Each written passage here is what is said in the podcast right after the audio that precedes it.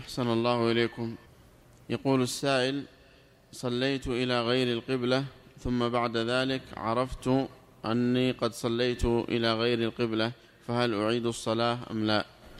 إذا كنت مفرطا ولم تبحث عن القبلة عندك من يخبرك عندك علامات لم تستعملها لازم تعيد الصلاة لأنك مقصر.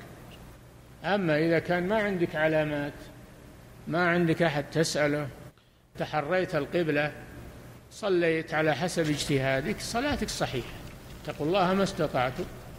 نعم.